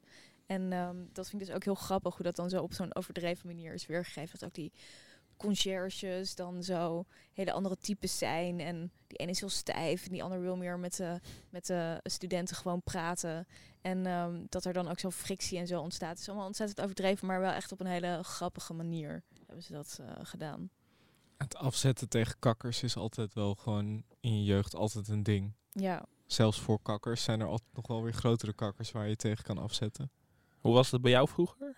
Nou, ik zat op het eh Gerrit van der Veen College in Amsterdam Oud-Zuid. Dan zou je zeggen, hey, Ja. dan ben je wel echt, eh, zeg maar, hotspot van kakkers. Maar dit was dan nog een redelijk alternatieve, zeg maar, kunstzinnige school. Wij hadden dan het HLZ. Maar dat was dan ook echt, zeg maar, de kakkerschool waarbij iedereen een, een Vespa en zo Oh ja. had. Maar daar was ook altijd, er was niet echt een rivaliteit. Maar er was wel een soort van... Ja, zij keken waarschijnlijk neer op ons en wij ook wel een beetje op hen daardoor. Ik had het vooral meer met eh, voetbal. Ik voetbalde bij SC Buitenveld en in dezelfde straat heb je AFC. En dat is echt de, de chique club, club van Jack van Gelder trouwens. Ehm, dus dan was er echt, echt die wedstrijden kon er, kon er echt hard aan toe gaan. Dat er dan echt een soort van rivaliteit. Terwijl nu denk je dan echt van, je was echt 15 of zo. Een soort van, waar, waar kwam dat hele idee van dat dit eh, de grote rivaal was vandaan? Maar dat vond ik er wel eh, goed aan. Eh, hoe zat het in Enkhuizen? Ja, dat was gewoon maar één school. Dus daar, daar viel niet zoveel. En het is ook niet zo dat dat zo gesegregeerd is dat je echt een villa-deel had en een wat minder ontwikkeld deel. Dus dat ging gewoon allemaal een beetje door elkaar. Ik heb niet zoveel gehaat in mijn jeugd, nee, denk ik. was het heel nee. harmonieus? Mm, nou, nee, dat ook niet. Maar het was meer gewoon dat iedereen ruzie met elkaar had. Het was niet Mm. echt in bevolkingsgroepen te onderscheiden. Misschien als, ja, ik zit na te denken. Misschien als iemand niet uit Enkhuizen kwam of zo. Of uit een na nabijgelegen dorp. Dat daar nog een soort van strijd zat. Ja, dat was natuurlijk heel vredelievend dat je op de liefdeslessen van eh, Imca Marina gehad. Op jonge leeftijd Ja. al. Nee, ik ben heel vredelievend. Had jij, eh, Alex, een favoriet personage kijkend naar deze serie? Ja, ik genoot dus heel erg van de aflevering met Daan Schuurmans. Omdat Daan Schuurmans eigenlijk een soort dubbelrol speelt. Of ja, hoe zou je het moeten samenvatten? ja, wel Ehm, een beetje. ja, een soort conversaties met een gladdere versie van zichzelf. Dat Daan Schuurmans is natuurlijk altijd top. Ik vond, ik vond die scènes met Halina Rijn ook wel heel leuk. Omdat Halina Rijn echt nog... eh, ja, hoe oud zal ze daar geweest zijn? Ik begin 20 of Ja. zo. Ja. Dat vond ik wel weer geestig om te zien of zo. Maar ja, ik vind Mats Wittermans gewoon als acteur... Dat zal niet bij iedereen een belletje doen rinkelen. Maar altijd een bad guy als je hem tegenkomt. Volgens mij zat hij in Penosa ook en zo. En altijd goed, maar je ziet hem niet zo heel vaak. je ziet hem niet zo heel vaak, maar hij speelt meestal een crimineel. Hij zat ook in hotnieuws.nl, over klassieke jeugdseries gesproken. Mhm. Ehm, ja, dat, dat vind ik ook altijd wel echt een hele vermakelijke acteur. En jij? Ja, ik vond ook eh, Daan Schuurmans wel eh, leuk. Ik vond John Weidenbos ook wel leuk. Wie speelt hij? Eh, hij speelt Kelvin. Oh ja. John Weidenbos is inmiddels overleden. Ehm, maar die vond ik ook altijd wel goed. Verder ook Tatum Dagelet zat niet heel veel in de afleveringen die ik gezien heb. Maar die vond ik ook wel goed als Isolde, geloof Ja. ik. Ja. Nee, ik vond het sowieso wel echt... ik wist echt niet van tevoren wat ik ervan moest verwachten. Ik had niet zulke herinneringen als jij eraan, want ik had überhaupt geen herinneringen eraan. Maar nee, ik vond het wel, wel echt leuk. Had, jij had jij nog meer van dit soort programma's in je jeugd waar je echt fan van was? Eh, ja, ik hield heel erg. ehm, ik keek als kind echt heel erg veel tv. En ehm, ja, hier was ik fan van. Ik keek het goede tijd, slechte tijd natuurlijk altijd. Eh, maar ik keek dus al die sitcoms ook. Eh, daar hadden we het ook eh, in eh, toen ik jullie interviewde over. Dat eh, jullie zijn geloof ik ook fan van al die dingen. Maar ik keek dus Mhm. al die dingen als eh, Kees en Co en zo. En oppassen. Oppassen vond ik ook echt fantastisch. Ja. Ehm, dus ja, ik vind het eigenlijk wel jammer dat je nu. Ik mis wel gewoon een beetje een soort goede, een lekkere Nederlandse soap of zo. Dat, dat vind ik wel dat je dat een beetje mist. Dan de goede tijden, slechte tijden. Ja, dat, dat vind ik dan niet interessant genoeg. Ehm, ik keek wel een tijd geleden Dertigers. Hebben jullie dat gezien? Ja. Vond ik best wel leuk. Mhm. Wat vonden jullie daarvan? Ik vond het ook wel leuk. Ja. Maar sowieso eigenlijk ook wel qua vorm vond ik het gewoon fijn. Zeg maar iets wat gewoon doorlopend is en wat misschien... Ja, Nederlandse series zijn vaak toch wel dramatisch op een soort houterige manier of zo. Ja. Het is niet, niet echt dramatisch of zo. Terwijl het soms gewoon best wel... eh, jij noemde net volgens mij Euphoria, maar zeg maar dat soort dingen zijn natuurlijk best wel lekker om soms gewoon een beetje weg te kijken. Mhm. Maar in Nederland heb je, heb je dat soort dingen heel weinig. Ja. Ja, vooral omdat het toch vaak die neiging tot wat meer braver. Dat vond ik dus eh, fijn aan Fort Alpha. Dat ik denk, oh, dit is helemaal niet zo braaf als wat ik ervan verwacht had. Of zo. Je bent echt geprogrammeerd om strak format, geen tierlantijntjes. En dat vond ik wel echt opvallen. Maar ja, ja, een Nederlandse soap. Maar het is wel vaker geprobeerd, toch? Er is volgens mij twee jaar geleden nog hoe heet dat ook weer? De Spa met Annette Barlo of zo. Dat was toen ook een poging om een Ja, soort nieuwe soap te... dat was wel nog een, dat was wel een paar jaar eerder volgens mij. Of niet? Ja, het zou 2019 of zo, kunnen. denk ik. Langer geleden. Ja, wat wel vaak is, want daarom, daarom kijk ik ook dertigers. Als je mm, vaak kijk ik gewoon s'avonds, dat is ook, de meeste mensen doen dat natuurlijk. Als ik s'avonds voordat ik eh, naar bed ga, kijk ik gewoon nog even iets. Ehm, en dan op één of zo, die talkshows, nou, daar heb je gewoon niet echt zin in. En ehm, ik vind trouwens eh, VI wel heel erg leuk om te kijken. Dat, dat heeft veel meer die dynamiek, of zo, een soort van ouderwetse dynamiek, die je vroeger ook een beetje had bij eh, gewoon eh, Pauw en Witteman of Baant en Van Dorp of zo. Ehm, maar eh, ja, dan, dan is het gewoon fijn om een beetje iets luchtigs te kijken. En als je dan Euphoria of zo gaat kijken, dan denk ik, ja, d- daar heb ik gewoon geen zin in. Voordat Zoveel prikkels ook Ja. natuurlijk. Ja, je wil, ja. Ja, ja, dat was voor mij... Ik kijk dus heel vaak gewoon sitcoms. Gewoon meestal Amerikaans voor het slapen Oh ja. gaan. Omdat het ook gewoon vaak... Maar wat, Het voor, is wat wel- voor dingen dan? Ja, meestal wel gewoon dingen als The Office en Parks and Recreation en dat Oh ja. soort dingen. En ook wel eens een Nederlandse, even een klassieker. Ik kijk ook nog wel eens gewoon een aflevering van Kezenkoom. Dat ik dan gewoon lekker een beetje op Twitter en weet Waar, ik veel waar, wat, waar kijk je dat dan? op Videoland. Oké, staat het er gewoon Ja. op? Oh, wat Geno leuk. genospon trouwens, maar... eh, nee, dat staat, dus, daar staan echt heel veel Nederlandse dingen op. Dus dat is wel echt een uitkomst voor ons. Maar ik, ik durf dat dan niet te kijken, want ik ben dan bang dat ik zie hoe slecht het is. Nee, maar daar wint bij mij echt de nostalgie wel. Ja? Soms dan zie ik wel dat ik denk, oei, dit, heeft, dit is niet, misschien niet, niet zo goed als ik me, me had herinnerd. Maar dan is toch de nostalgie. En ook omdat je niet meer... Ik kijk het dus meestal vlak voor slaap gaan, dan ben ik ook niet zo scherp meer. Dan is het gewoon... Dan kijkt het echt lekker weg. Dan is de recensiemodus even Dan is de recensiemodus eindelijk uit, ja. Maar dat mis ik dus heel erg. Gewoon een, een Nederlandse sitcom hoeft niet eens goed te zijn, maar gewoon zoiets gewoon lekker voor het slaap gaan wat op tv wordt uitgezonden. Ik kijk Ja. ook eh, vaak voor het slapen gaan naar Comedians in Cars Getting Coffee. Ik heb de meeste heb ik ook al gezien. Maar dat is ook zoiets dat is echt perfect. Een kleine 20 minuten. Mm. Het gaat eigenlijk nergens over.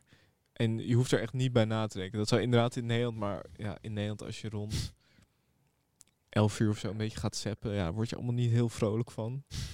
inderdaad, vooral op, op één. Het is heel en geladen en dan op NPO 2 inderdaad een documentaire over... eh, op RTL 7 wordt er weer iemand in een politieauto achtervolgd. Daar je ook niet blij van.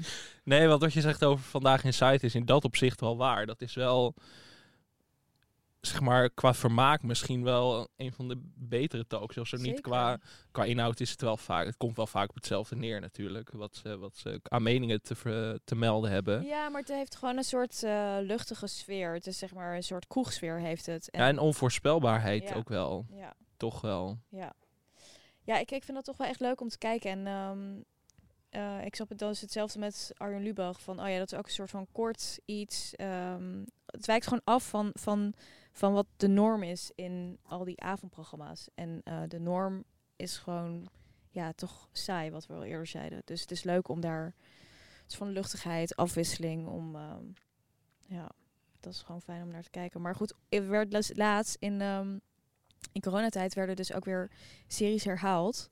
Ehm, en oppassen werd toen ook herhaald. En toen eh, dacht ik, oh, dit is ook nog steeds gewoon wel best wel leuk. Mhm. En het is dus, maar niemand vraagt zich dus af waar die ouders zijn, maar die zijn dan carrière aan het maken of zo. Dat is het toch? En Ja, daarom wonen ze bij die eh, opa. mhm. ja die, eh, die ouders zaten me- meestal echt in het begin en aan het eind van de Ja, aflevering. En verder waren ze er gewoon niet, volgens mij. Ja, we hebben het ooit besproken in de podcast, maar... Ja, dat, dat jeugdzorg nooit heeft ingegrepen Nee. is eigenlijk ongelooflijk. Ja. Heb je Nee. verder nog eh, eh, tips voor mensen? Dingen die je graag kijkt? Ehm, ja, ik moet wel zeggen dat ik ehm, toch ook wel veel streamingsdingen kijk. Dat mag ook. Ehm, even kijken, wat heb ik laatst gekeken? Ehm, ja, ik kan alle cliché tips geven. Succession. eh, The White Lotus. The White Lotus moet iedereen zien. Iedereen dat, die dat nog niet heeft gezien, moet dat meteen gaan kijken. Dat is echt een fantastische serie. Hebben jullie Mhm. het gezien? Ja, ik vond het ook heel erg goed. Ja, Ik Ja. denk het, dat... denk ik, met Succession de beste serie die ik vorig jaar gezien heb. Ja, absoluut. Dat zijn de twee beste series. En, en er komt een nieuw seizoen. Ja, maar ik, het is Lotus. zo goed dat ik... Dat, ja, ik word gewoon bang van... Ik kan me niet voorstellen dat je er nog aan kan tippen. Want dit was gewoon perfect. Op Mhm. elk niveau was dit geweldig. In ieder geval wel met een nieuwe cast. Dus het wordt geen herhaling van zetten. Dat zou nog kunnen schelen misschien. Ja, dus dat is weer een hele... ja, ja, dat een hele nieuwe wel. setting. Ja. Volgens mij Italië of zo. Ja. Dat juich ik dan wel weer toe. Leuk. Ja. Ik ben benieuwd. Ik zou wel weer een ehm, een leuke millennial-serie willen. Ik vind dat er veel millennial-series worden gemaakt die ehm, ja, toch net niet zo leuk zijn. Ik vond Girls heel goed. Hebben jullie Girls gekeken? Mhm. Ja, dat vond ik ook heel tof. Ja. Dat was de ultieme goede millennial-serie. En het wordt nu... Ja, ik heb I May Destroy You. Hebben jullie dat gezien ook? Ja. Vond ik ook goed, maar toch... Dat is weer te deprimerend om leuk te zijn. Maar goed, het hoort er dan ook bij. Dus we willen meer comfortfood, meer tv over Ja. millennials. Ja. En minder binnen de lijntjes. Daar komt het eigenlijk op neer. Ja. Dat is wat we willen. Ja, goed samengevat. Nou, prima. Ja. Kunnen we afsluiten, Ja. denk ik. Zijn er nog laatste dingen die jullie willen zeggen over Fort Alpha? Zou je hier ooit een remake van willen zien? Dat het opnieuw gedaan wordt. Met jongere acteurs. Ja, ik denk eigenlijk dat het wel leuk zou zijn. Ik denk echt, ehm, maar dan zou je dus echt op dezelfde soort manier, gewoon niet gepolijst. Alleen, ja, wat, wat ook zo leuk is aan dat Fort Alpha, eh, maar dat is natuurlijk, zit natuurlijk een nostalgische inslag in dat ik dat nu zo zeg. Nou, dat gewoon geen smartphones en zo. En dat het helemaal laat zien, gewoon jaren 90, begin 2000, hoe het toen was om op te groeien.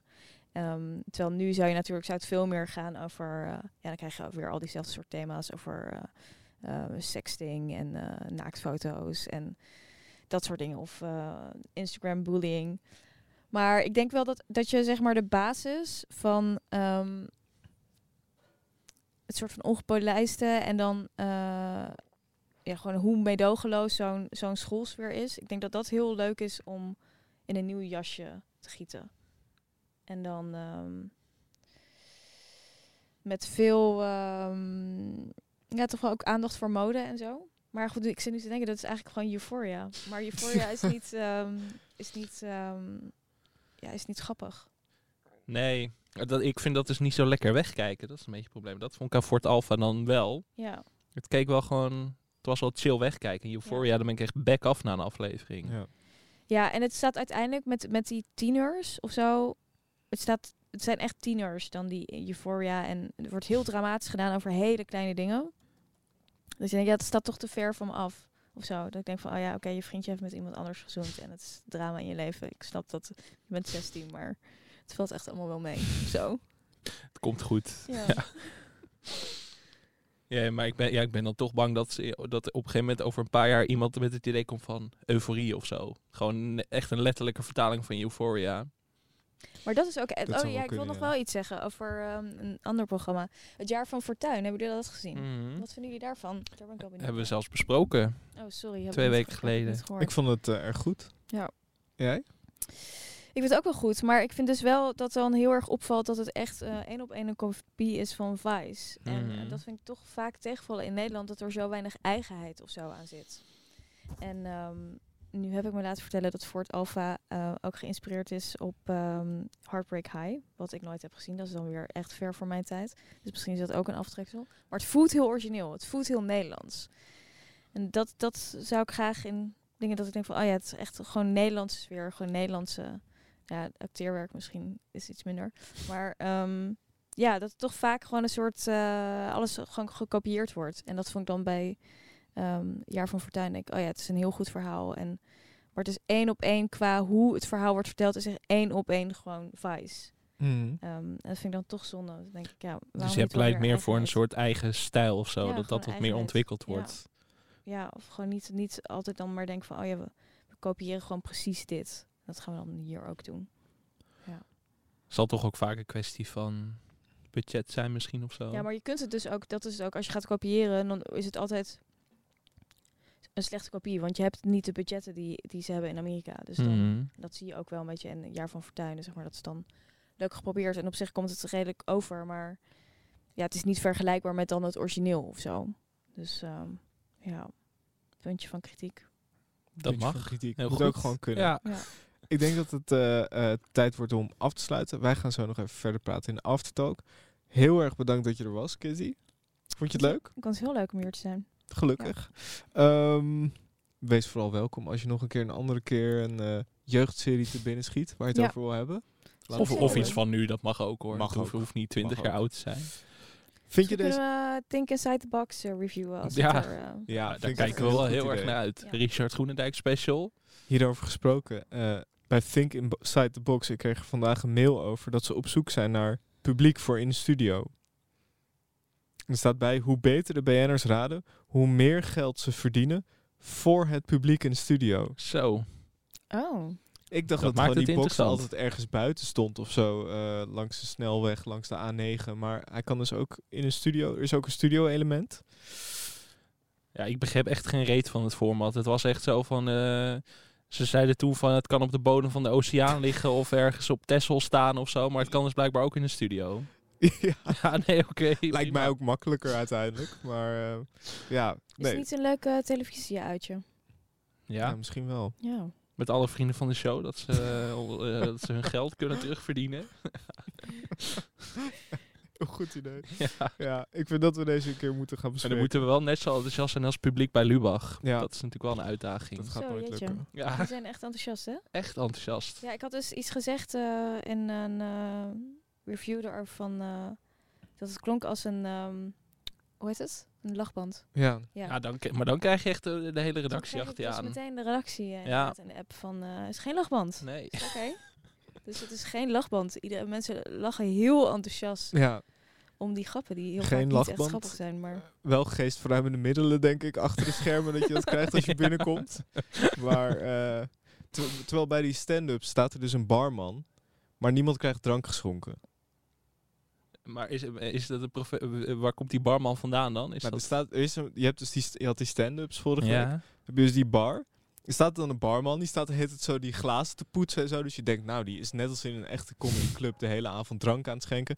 Niemand krijgt drank tijdens de opnames.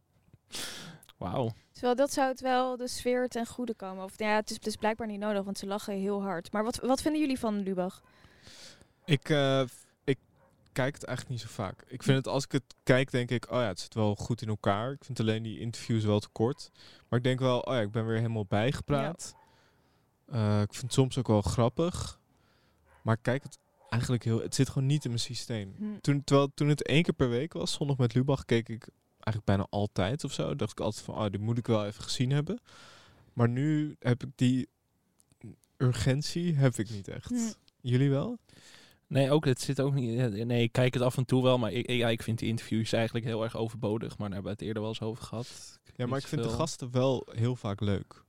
Zoals als Wim Helsen er is of zo, dan denk ik, waarom is hier niet gewoon een hele uitzending? Ik vind het gewoon zonde dat hij dan zo kort is. Hm. Ja, dat, die interviews zijn wel heel snel voorbij. Ja.